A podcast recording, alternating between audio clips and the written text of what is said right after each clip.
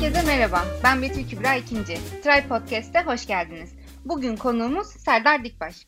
Serdar Bey, Antonio Carrera satış müdürü. Aynı zamanda kendisini AgroTV veya tarımsalteknoloji.com adresinden de takip ediyor veya tanıyor olabilirsiniz. Bugün tüm dünyada tarım alanları azalıyor. Diğer bir taraftan nüfus ve beslenmesi gereken insan sayısı da artıyor. Bu denge değişimi bizi tarımsal üretimde verim artışının çok daha önemli olduğu bir noktaya getiriyor. Ve bu verim artışını da nasıl sağlayabiliriz sorusuna cevap e, büyük oranda teknoloji oluyor. Bugün de verim artışını sağlamak için hangi teknolojilerden bahsedebiliriz? Yapay zeka tarımsal teknolojilerde hangi noktada gibi soruları ele alacağız. Serdar Bey hoş geldiniz. Hoş bulduk. Ee, davetiniz için öncelikle çok teşekkür ediyorum. Pandemi döneminde bizim sektörümüz hiç olmadığı kadar ön planda.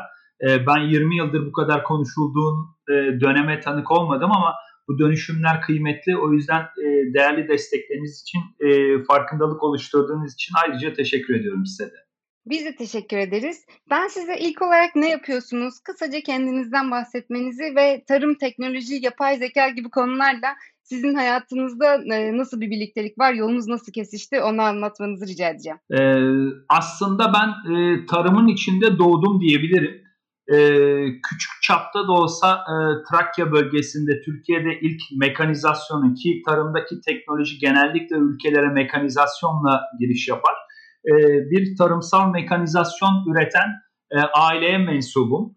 E, oradaki farkındalığın etkisiyle birlikte e, ömrüm boyunca hep tarımın, makinenin ve teknolojinin içinde oldum. E, eğitimim de hep bu yönlü oldu. E, yaklaşık olarak da fiili olarak eğitim hayatı dahil olmak üzere bir 20 yıldır e, tarım teknoloji e, iç içeyim diyebilirim.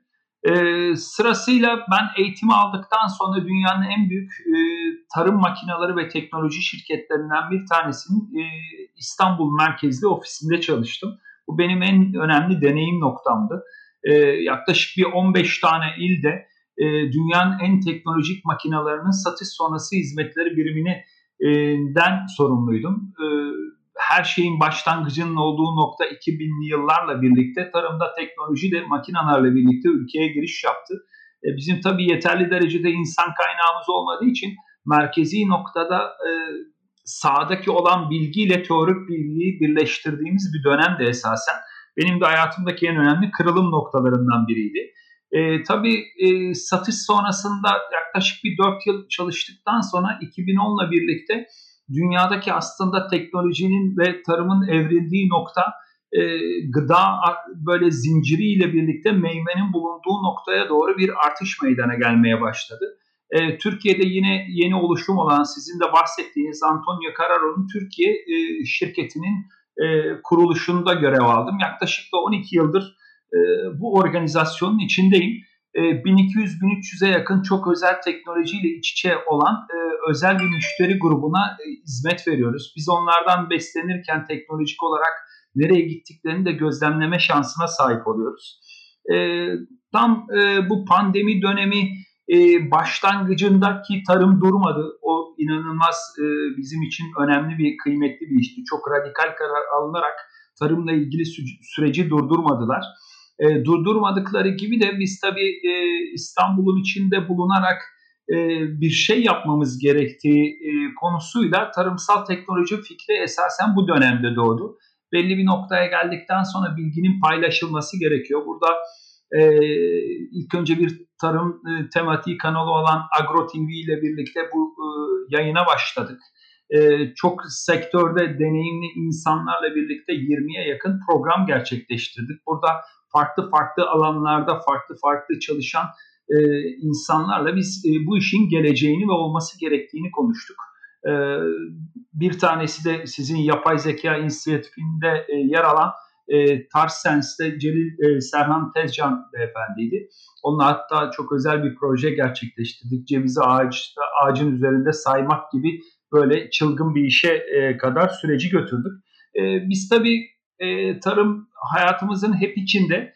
Dedik ki bu işler sözde kalmasın. En sonunda da e, programların akabinde bir tarımsalteknoloji.com e, adlı bir portalda bu e, bilgileri topladık. Hala bunu geliştirmekle uğraşıyoruz. Bir yandan var olan işimizin dışında destekleyici olsun diye. E, benim söyleyeceklerim bu kadar. E, yani tarımın içindeyim, tarımın içinde doğdum, yaşıyorum.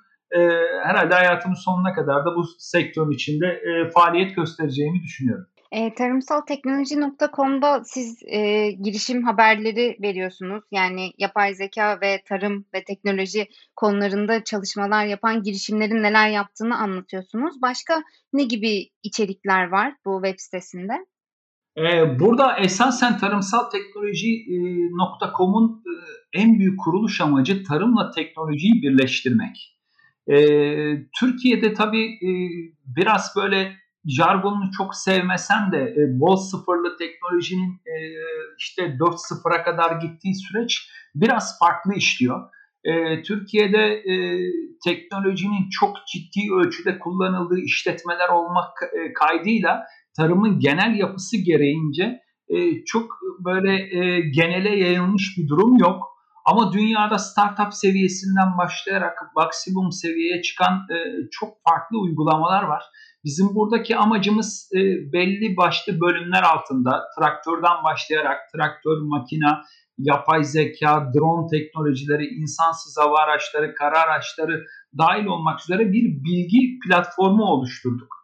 E, amacımız önce bilgiyi paylaşmak, bilginin e, jargonunu oluşturmak, ondan sonra da e, girişimlerle birlikte e, bunu ortaya çıkarmak. Bizim burada gördüğümüz esasen en büyük problem şu, e, bir ihtiyaç doğuyor. Bu ihtiyaç doğduktan sonra e, belki ilerleyen dakikalarda daha derinle inebiliriz. Bu ihtiyacın oluştuğu noktada herkes aynı konuyla ilgili girişim gerçekleştiriyor ve bir, bir süre sonra e, girişimler birbirine başlamadan rekabet oluşturacak duruma geliyorlar. Yeterli derecede de pazar oluşmadığı için maalesef değerli fikirler ve e, maalesef insan kaynağının kısıtlı olduğu ülkemizde bizim bulunduğumuz sektörde reel uygulamalar ortaya çıkmıyor. Biz dünyadaki uygulamaları e, doğrulanmış, doğru değere sahip olan uygulamaları orada yayınlayıp e, geleceğe ışık tutmak istiyoruz. Burada iki tane değerli e, taraf var esasen. Tarım ve teknoloji. Tarım e, kendi içinde çok bilinmeyenler olan bir e, iş. E, bir sürü canlının bir araya geldiği toprağından tutun ne kadar topraksız tarım yapmak isteyen e, işletmeler ve girişimler olsa dahi bizim gibi toprağa çok değerli olan, toprakta üretim yapabilme kapasitesine sahip olan ülkede e, halen e, o kadar bilinmeyenleri keşfedilmeye bekleyen topraktan tutun da üzerindeki canlılar, böcekler, bitkiler, e, iklim ki son dönemde inanılmaz derecede hayatımızın ortasında bir araya geldi. E, biz aslında bir bilgi platformu oluşturuyoruz. Bu bilinmeyenlerin doğrultusunda geleceği kendi ülkemizin içindeki anladık pandemi döneminde ülkeler kendi içinde kapanıyor. Ne varsa kendi bulunduğu alanda tüketip e, üretmeye devam ediyorlar. E, derdimiz bu. Dediğim gibi bu bir bilgi platformu. Çok daha başlangıcındayız. Yaklaşık 300-400'e yakın içerik girdik. Hala hazırda gireceğimiz bir sürü doğrulanmış içerik var. Raporlarla birlikte e, bu pandemi döneminin sonunda yeni bir dünyaya uyanacağımızı düşünüyorum. E, ama biz var olduğumuz alanı e, ne kadar değerli ve ne kadar kıymetli olduğunu hatırlatmak hepimizin görevi. E, burada da esasen ben e, ayrıca sizin yapay zeka inisiyatifinizin bu konuyla ilgili özenli e, bir şekilde çalıştığını gözlemliyorum. Ayrıca teşekkürü borç biliyorum. O kadar işin gücünün arasında tarım tarımdaki farkındalığı görüp de bu şekilde bir destek oluşturmak çok önemli ve çok kıymetli. E, bundan sonraki süreçte de umarım e, bu süreklilik e, ve sürdürülebilirlik olumlu yönde devam eder diye ümit ediyorum. Biz de teşekkür ederiz. Ee, sizin de katkılarınızla birlikte biz de bu konulara eğilebiliyoruz aslında. Ben size bir de şeyi sormak istiyorum. Ee, yapay zeka tarımda şu anda nasıl kullanılıyor? Siz şey dediniz, dünyadaki örnekleri aslında uyguladığımız Türkiye'de bir resim ortaya çıkıyor. Ama e, hani yapay zeka ve diğer teknolojiler de aslında ama özellikle yapay zeka hangi aşamalarda ne amaçla kullanılıyor tarımsal süreçte? Şöyle şöyle kısaca özetleyeyim. Esasen e, dünyada belki de tarımın mekanizasyonu e, çok daha geçmiş dönemde başladığı için 1900'lü yılların başında e, ilk etapta teknolojiler genellikle traktör ve makine üzerinden ülkelere giriş yapıyor. E, bu yapay zeka kavramı 2000'li yıllardan sonra artık e, analiz ölçeğinde bence en verimli kullanılabileceği alan belki sağlıkla birlikte tarım gibi gözüküyor. E, burada e, son dönemdeki geçmi, geçtiğimiz hafta bir e, deneyim yaşama fırsatını bulduk. E, drone bu işin aslında kilit noktalarından bir tanesi. E, drone elde edilecek yani insansız hava aracı drone kelimesiyle tam anlamıyla kapsamasa da insansız hava aracıyla elde edilecek olan görüntülerin e, bir görüntü işleme yazılımıyla bir yapay zeka tarafından anlamlı hale getirilmesi e, son dönemde çalışılan en önemli konular arasında yer alıyor. E, bunun aynı zamanda e, her şeyi yukarıdan yapmanız mümkün değil. Tarım aşağıda da devam eden bir üretim. Bunun bir de insansız işte kara aracı kısmı ya da traktörlerle birlikte çalışan özel ekipmanlar üzerinde özellikle 2030 yılında Avrupa Birliği'nde Green Deal ile birlikte e, gübrenin ve kimyasal ilacın pestisitin %50'ye azaltılması ile ilgili çok önemli bir hedef var. Bunu normal mekanik koşullardaki ekipmanlarla yapmanız mümkün değil. Yani yapsanız dahi o tepkimeyi, o veriyi elde etmediğiniz süre içinde var olan ekipmanlarla bunu e, uniform bir şekilde dağıtıp e, kayda almanız mümkün değil. Son dönemde bu konuyla ilgili çok ciddi çalışmalar var. E, ekipmanların üzerine konulan görüntü e, işleme yapabilecek görüntüyü alıp e, bir işlemci vasıtasıyla e, işleyip e, sadece yabancı otun bulunduğu noktaya ilacı atıp e, ya da işte onu farklı yöntemlerle e, kimyasal olmayan elektronik bazlı yöntemlerle laser ve benzeri yöntemlerle yok edilmesiyle ilgili çok ciddi ölçüde aşama kaydetmiş olan e, artık startup seviyesinde olmayan e, firmalar var. E, üçüncüsü özellikle insansız e, kara aracı kısmında tarımda en önemli kıymet insan. Ama gittikçe şehirlere göç eden insanların yerini makineler alması gerekiyor. Bu makinelerin da üzerinde insan olduğunu düşünürseniz e, oradaki insanın yerine yeni otonom araçların e, tarımda belli başlı taşıma alanlarında e, kullanıldığını görüyoruz. Aynı zamanda yine kapalı alanlarda çok büyük üreticiler var. E, hayvan çiftliklerinde sadece 2-3 tane insanla binlerce hayvanın bulunduğu sistemi kontrol eden, onların otomatik yemleme e, ihtiyaçlarını belirleyip yapay zeka vasıtasıyla hangi hayvana ne kadar e, ihtiyaç olduğunu, ne kadar gıdasının ihtiyacının olduğunu belli eden sistemler bunlar. E, hayvanların hareketlerinden belli e, ölçekte ne zaman tohumlama yapılıp e, verimli bir e, sürdürülebilir üretim yapabileceğini e, sağlayan teknolojiler ve en önemlisi su. E, gittikçe azalmakta olan iklimin etkisiyle ciddi ölçüde bizim hayatımızın içine girmiş olan su kullanımı tarımda e, e, hat safhaya ulaşmış durumda. Bizim gibi su fakiri olan ülkelerde e, bu suyun e, ihtiyacı kadar ki bunu IoT teknolojisiyle genellikle yapılıyor. Farklı kaynaklardan alınan verilerin e, sistemin içinde bulunan sulama sisteminde ihtiyacı kadar e, verildiği, bitkinin ihtiyacı kadar e, bunu kullandığı sistemleri biz görmeye başladık. E, çok büyük ölçekli firmalarda en büyük çözümlerden bir tanesi bu. E, ben 20 yıl önce konuyu e, araştırmaya başladığımda damlama sulama bizim için böyle ciddi ölçüde bir e, mucizeydi. Bu ülkede kullanılabilir miyi tartışıyorduk. Şu anki geldiğimiz noktada damlama sulamanın bir üst fazı olan ihtiyaca e, yönelik uygulamaları görmeye başladık. Genel ana hatlarıyla birlikte esasen e, makine öğrenmesinin olduğu e, verinin toplandıktan sonra e, işlenip uygulanabileceği en önemli sektör tarım. E, ama dediğim gibi en önemli e, kritik taraf veri. Veri toplamak e, bizim hayatımızın en önemli aşamasında yer alıyor. Siz de e, veriden bahsettiniz. Ben de onu sormak istiyordum. Yani yapay zeka teknolojilerinin genelde en temel ihtiyacı veri oluyor ve anlamlı veri oluyor. Şu anda tarım alanında bu veri ihtiyacı ve bu verinin karşılanması ne durumda? Veriye ulaşmak kolay mı ya da e, ulaşmakta ya da kullanmakta ne gibi zorluklar yaşanıyor? Şimdi bu işin içindeki en önemli kısım aslında benim gördüğüm e, bir girişime başlamadan ya da yatırıma başlamadan önce en önemli kısım veri. Tarımı e, diğer sektörlerden ayıran en önemli unsur verinin toplanması. Sizler e, belli başlı konularda hazırlanmış görüntü işlemesi yapılmış ya da her şeyi tespit edilmiş e, bir veriyi başka bir sektörde bir yerden bir yere aynalayarak kopyalama şansınız var. Ama tarıma geldiğinizde tarımda en önemli kritik nokta bulunduğu yerden toplanması gerekiyor veri. Örnek bir hayvancılık işletmesine ne kadar çeşitler aynı gibi gözükse de hayvanla ilgili türler aynı gibi gözükse de e, oradaki farkındalıkları ve oluşturdukları değerler kendilerine özel. Şu an e, bizim ülkemizdeki en büyük problem gördüğümüz e, verinin toplanması. Çünkü tarımda iki çeşit işletme var. E, birincisi işte genel anlamda esasen iki tane üretim çeşidi var. Biri bitkisel üretim, diğeri de hayvansal üretim. Bunların kendi içinde bulunduğu alanda kapalı devre, fabrika gibi üretim yapan alanlarda veriyi toplamak çok kolay. Örneğin Sera'da e, çok uzunca süredir Türkiye içinde de girişimler var. Dünyada da e, bu ölçekte ilerlemiş girişimler var. Tamamen otomize olmuş veriyi toplayıp bu veriye göre işte fanları çalıştırmak, sıcaklığı belli bir ölçüde tutmak, e, bitkinin e, gübre, su ihtiyacını belirleyip ona göre hareket etmek e, kapalı devre ortamlarda mümkün.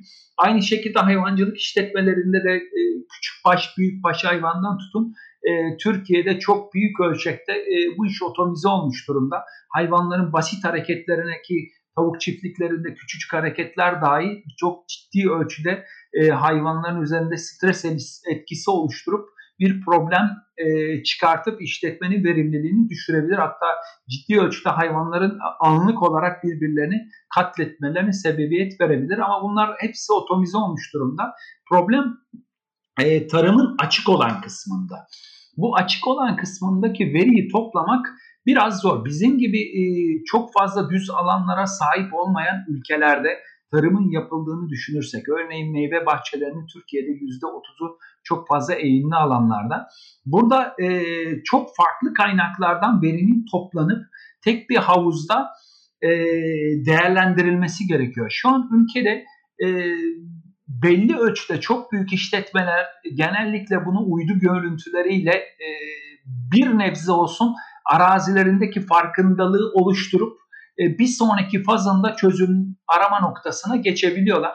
Ama e, Türkiye özelinde tarımsal işletmelerin boyutunu düşündüğümüz zaman maalesef bir çıkmazın içine giriyoruz. Çok fazla aile çiftçisinin olduğu bir ülkeyiz. Biz Avrupa Birliği ya da Amerika gibi çok büyük tarım alanlarımız olsa da e, aile işletmesi sayısı çok fazla olduğu için bizde ölçek oluşturacak tarzda 40 dönümlük 50 dönümlük alanlarda veriyi toplamamız mümkün gözükmüyor.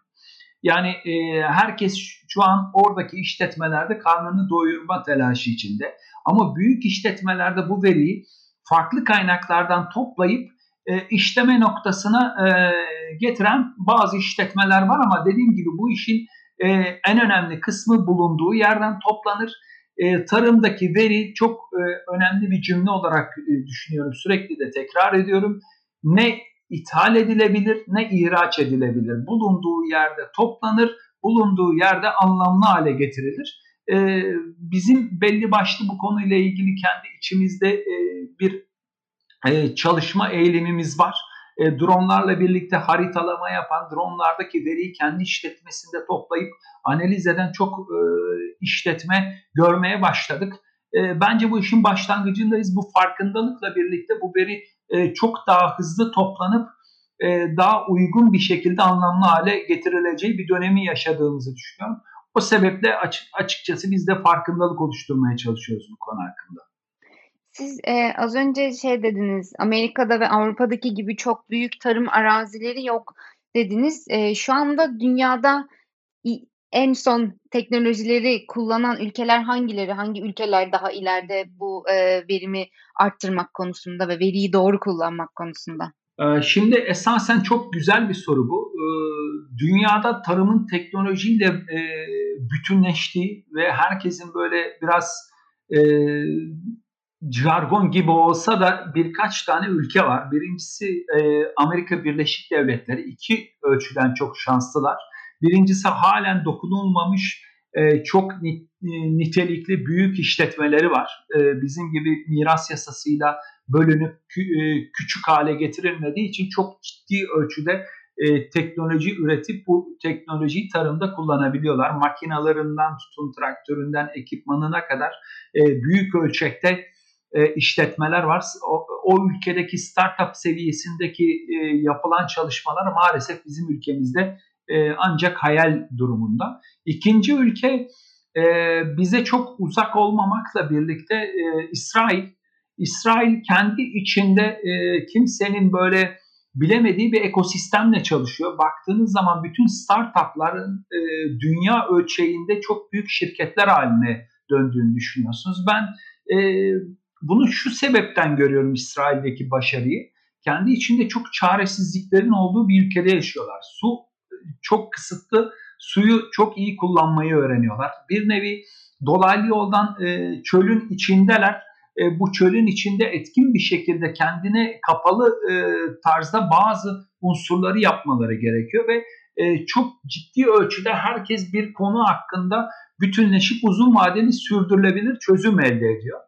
Üçüncüsü çok sevmesem de Hollanda-Türkiye kıyaslamasını Hollanda gibi ülkelerde Hollanda, Danimarka ve benzeri ülkelerde çok fazla e, kapalı alanda tarım yapılıyor. Bu kapalı alandaki tarımı e, teknolojiyi çok iyi kullanmaya e, uygun hale getirebiliyorlar. Örneğin Sera uygulamalarında e, teknolojiyi çok hızlı bir şekilde adapte edip çünkü e, siz riskleri minimize ediyorsunuz. Tarımın en büyük problemi risk ve belirsizlik. E, bir üstünü kapattıktan sonra o sistemi e, kapalı hale getirebiliyorsunuz. Ama burada aslında işin kilit noktası şu. E, ülkelerin kendi ihtiyaçlarının oluştuğu noktada belli ülkelere belli uygun e, teknolojik modeller e, üretmek gerekiyor. Örneğin Amerika'daki bir teknolojik yapıyı Türkiye'de çalıştırma şansınız yok. E, herhangi bir traktörü alıp Türkiye'de getirip e, çalıştıramadığınız gibi teknolojik olarak e, örneğin o ülkede e, basit örnekle Holstein e, cinsinde bir inek için yapılmış bir modelleme var ise ülkenizin koşullarını bilmezseniz ülkede de bu çeşit bir e, hayvan yapısı yoksa getirdiğiniz teknoloji hiçbir işe yaramayabiliyor. E, dediğim gibi 3 tane 4 tane ülke böyle e, ciddi ölçüde bu konuyla ilgili çaba sarf etse de esasen yapay zeka gibi konularda herkes eşit durumda. Yakın dönemde e, işte savunma sanayinde başlatılan bir seferberlik vardı. Bence tam e, o seferberliğin benzerinin olduğu bir dönemdeyiz biz. Farklı paydaşların, farklı disiplinlerin bir araya gelerek e, dünyada her şeyin sıfır olduğu noktada büyük bir başarı elde edebiliriz. Çünkü dünya şu an e, makina devriminin sonunu yaşıyor tarımla ilgili bölümlerde. Bizim ülkede hala makina devrimini bitiremedik. Biz hala makinalarımız ve traktörlerimizden tutun da tarımdaki teknoloji kabul edilen unsurlar maalesef e, ithal yolla geliyor. E, ithal yolla gelenlerin de önüne engel koymak için elinden geleni yapılıyor yerli üretimi desteklemek adına. Ama e, şu an bir teknolojik devrimin eşiğindeyiz. Bunun nedeni e, şehirlerdeki insanların e, bulunduğu yerleri e, terk edip köye gitme ihtiyacı e, duymamaları, şehirdeki nüfusun gün geçtikçe artması ve insanların gıda ihtiyacının garanti altına alınması. Siz şu anki var olan teknolojiyle, makine teknolojisiyle bunu ciddi ölçüde elde edebilme şansına sahip değilsiniz. Yani tamamıyla işte yapay zeka destekli e, birbiri içinde insanın müdahale etmediği ya da insanın sadece kontrolde kaldığı az sayıda insanın bir de kontrolde kaldığı sistemleri çok hızlı adapte etmemiz gerekiyor. Bunun için kaybettiğimiz çok zaman var ama Türkiye bu konuyla ilgili geride değil. Şanslıyız, inanılmaz e, böyle ciddi ölçüde tarım yapısına sahip olan coğrafi açıdan e, coğrafya kaderdi diyebileceğimiz ölçüde e, özel gen kaynaklarına sahip e, ürünlerimiz var. Fındığımız, incirimiz, onun dışında e, çok ana vatanı burada olan e, çok özel gen kaynakları olan bitkilerimiz, bitkisel üretim ya da hayvansal ırklarımız var. Ben dediğim gibi burada kendi ülkemiz geride değil ama tek problemimiz herkes e, bir şeye başladığı zaman aynı konuda çalışıyor aynı konuda çalıştıktan sonra bir sonuç elde edemiyoruz maalesef. Yani aslında e, şu anda biraz işin başlangıcındayız ama e, çok da geride değiliz. Yine de yaygınlaşmak için çok fazla alan var e, diyorsunuz anladığım kadarıyla. Bu teknolojilerin yaygınlaşmamış olması bir fırsat o zaman. Yani e, herkes aynı şeyleri yapmasa, biraz daha yeni şeyler üretiyor olsa burada çok fazla bir fırsat alanı var, çok fazla geliştirme alanı var ve e, biraz da veri toplamaya ihtiyaç var. Ben böyle anladım. Doğrudur. Ee, burada tabii ki e, en önemlisi şu, e, burada ülkenin kendi özelinde topyekün olarak e, bunun e, paydaşları için e, devleti, özel sektörü, özel sektörün dışındaki bütün herkesi koyabilirsiniz. En önemlisi insan kendi e, ki bu dönemde çok iyi anladık yenecek ve yenmeyecek şeylerin ne kadar değerli olduğunu gözümüzün önünde gördük. İlk hafta, ilk ay marketler kapandı. Sonra baktık ki ilerleyen dönemde su kullanımımız arttı. Suyun ne kadar değerli olduğunu anladık. Bir gram suyun buharlaşmaması ya da etkin kullanmanın ne kadar kıymetli olduğunu anladık. Ee, biz dediğim gibi e, bunun olması için esasen çaba sarf ediyoruz. Tarım Aktif çatısı altında bir e, akıllı tarımla alakalı bir e, grup oluşturduk. Orada da kendi içimizde makinenin bulunduğu alanda akıllı tarım e, birkaç başlık altında e, toplanmış vaziyette. E, birkaç farklı sosyal medya kanalında çiftçilere ki bence e, işin içinde doğmuş olan Z ve Alfa kuşağı e, bu işin kritik noktasını e, belirliyor. Onlar tarımdan çok uzak yetişiyor, e, yetişmiş vaziyetteler. Oyunlaştırma teknolojisiyle onları bizim bulunduğumuz alana çekerek geleceği garanti altına alabiliriz. Dediğim gibi bu işin içinde fırsat çok fazla ama e, farklı paydaşların doğru noktada birleşip hareket etmesi lazım. Bunun içinde ziraat mühendisleri, ziraatin dışındaki işte bilgisayar mühendisleri e, bu ekosistemin içinde e, aklına giza gelebilecek onlarca e, kişinin çalışabileceği bir e, alan esasen tarım. Dediğim gibi e, esasen yapay zeka gibi teknolojiler böyle bilinmeyenlerin içinden bilinen bir şeyi anlamlı hale getirmeye çalışıyor. E, benim gördüğüm, göreceğim hem bilinmeyenin olduğu tek sektör tarım. E, bir de biraz bir, bir miktar tıp ama e, tarımın o kadar çok karmaşası ve kargaşası var ki ve sonunda ne kadar maddi çıktısı diğer sektörler gibi gözükmese de hayatın içinde ne kadar önemli olduğunu gördüğümüz gıdanın bir önceki fazı bu. Tarımsal ürün üretmezseniz gıda üretemezsiniz. O yüzden garanti altına alabileceğimiz bir dönemdeyiz. E, umarım bu yapılan farkındalık çalışmaları e, var olan kuşağın e, bir öncesini ve bir sonrasını bir araya getirir. Belki bir 10 yıl sonra da biz dünyada örnek gösterilen bir ülke haline getirebiliriz diye düşünüyorum ülkemizi. Ben de e, aynı güzel dilekleri paylaşıyorum sizinle. Çok teşekkür ederim Serdar Bey. Hem e, çok güzel açıkladığınız her şeyi ve e, verdiğiniz örnekler için de ayrıca çok teşekkür ederim. Ve e, yaptığınız geleceğe dair yatırım için de çok teşekkür ederim. Yani bu e, sizin yaptığınız konuşmalar sadece bugün için değil, sizin de dediğiniz gibi Z ve alfa kuşaklarının da bu işin içine çekilmesi için çok önemli.